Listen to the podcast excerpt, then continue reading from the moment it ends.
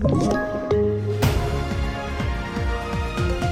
Det här är TV4-nyheterna. Under söndagskvällen ska Frankrikes president Emmanuel Macron träffa inrikesministern och premiärministern för att diskutera de rådande upploppen, rapporterar fransk TV. Enligt uppgifter har regeringen redan haft två möten sedan de våldsamma protesterna bröt ut tidigare i veckan. Beskedet kommer efter att demonstranter kört in i borgmästaren Vincent Chambruns hem med bil där hans fru och två små barn befann sig och sedan tänt eld på det. Något åklagaren kallar för ett mordförsök. Iran ämnar inte att skicka sin nya ambassadör Hoyatullah Fagani till Sverige och hänvisar till onsdagens koranbränning i centrala Stockholm, meddelar landets utrikesminister på Twitter.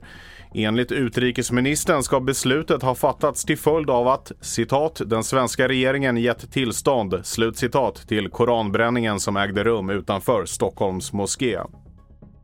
Efter kraftiga skyfall har flera larm inkommit i Karlskoga där ett tiotal fastigheter har svämmats över.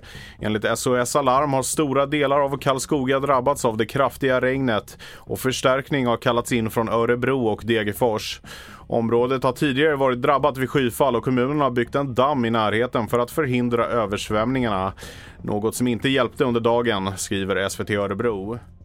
Jag heter Felix Bovendal och mer nyheter hittar du på tv4.se och i appen. Ett poddtips från Podplay.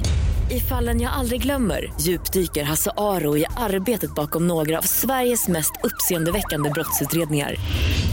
Går vi in med hemlig telefonavlyssning och, och då upplever vi att vi får en total förändring av hans beteende. Vad är det som händer nu? Vem är det som läcker? Och så säger han att jag är kriminell, jag har varit kriminell i hela mitt liv men att mörda ett barn, där går min gräns. Nya säsongen av Fallen jag aldrig glömmer på Podplay.